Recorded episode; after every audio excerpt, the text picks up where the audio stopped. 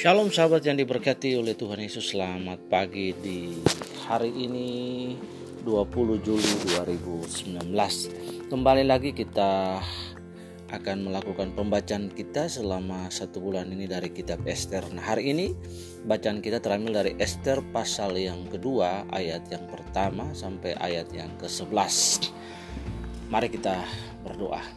Tuhan kami mengucap syukur hari ini. Terima kasih Tuhan kami akan mendengarkan Seeds of Inspiration. Biarlah Roh Kudus mengurapi kami sehingga kebenaran ini boleh menjadi berkat bagi kami sepanjang hari ini. Kami berdoa dan mengucap syukur. Haleluya. Amin. Sahabat yang diberkati oleh Tuhan dalam pembacaan Esther pasal 2 ayat 1 sampai 11. Dalam episode ini kita melihat bahwa tampak Raja Ahasuerus yang sudah sadar dari mabuknya dan lebih tenang Barulah ia teringat olehnya bahwa ia sudah membuang sang ratu dan harus mencari penggantinya. Kita bisa membacanya dalam Esther pasal 2 ayat yang pertama. Apakah ia sendiri yang membuat rencana itu? Lagi-lagi tidak.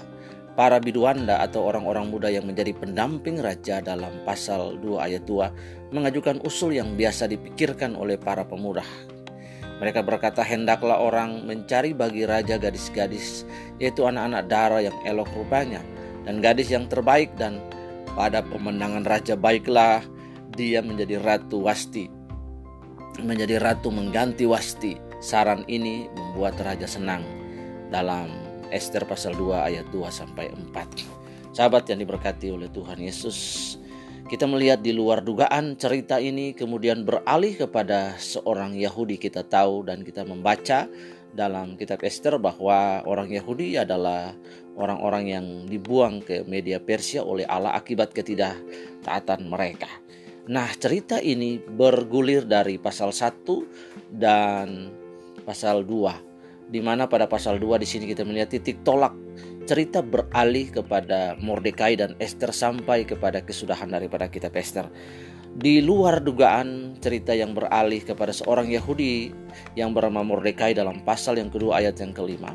Ia memiliki sepupu yang diasuhnya sejak kecil dan sudah dianggapnya seperti anak sendiri. Setelah kisah Ratu Wasti dibuang oleh raja dan para biruanda, menyarankan raja untuk mencari pengganti, maka raja mencari pengganti gadis muda rupawan yang sebelum yang belum menikah. Dan sahabat sungguh luar biasa. Alkitab mencatat bahwa Esther memenuhi kriteria tersebut. Terlebih lagi ia juga elok perawakannya dalam pasal yang kedua ayat yang ketujuh.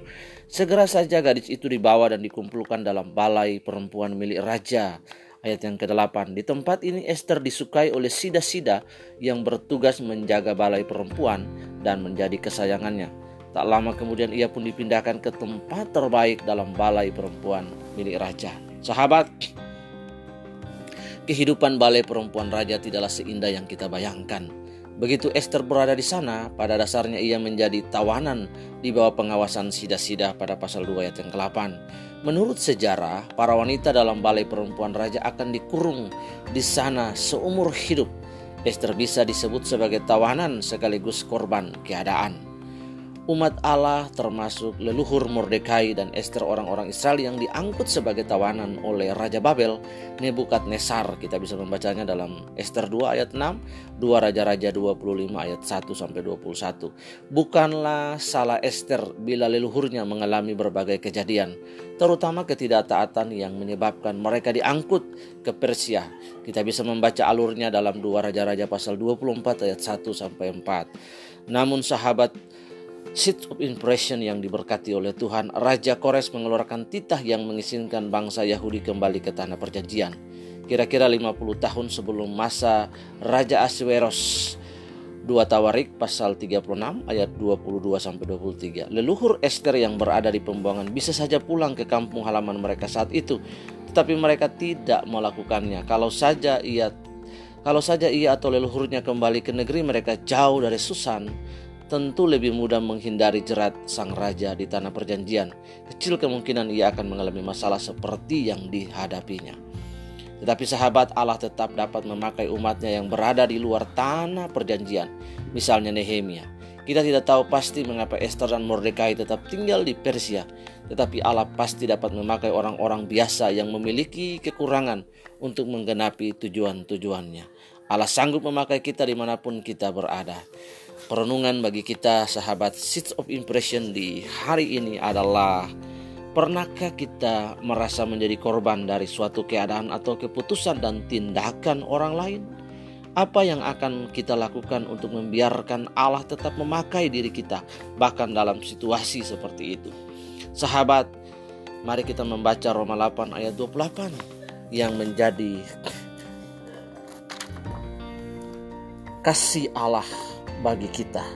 Di situ dikatakan bahwa Tuhan Allah turut bekerja dalam segala hal untuk mendatangkan kebaikan bagi kita.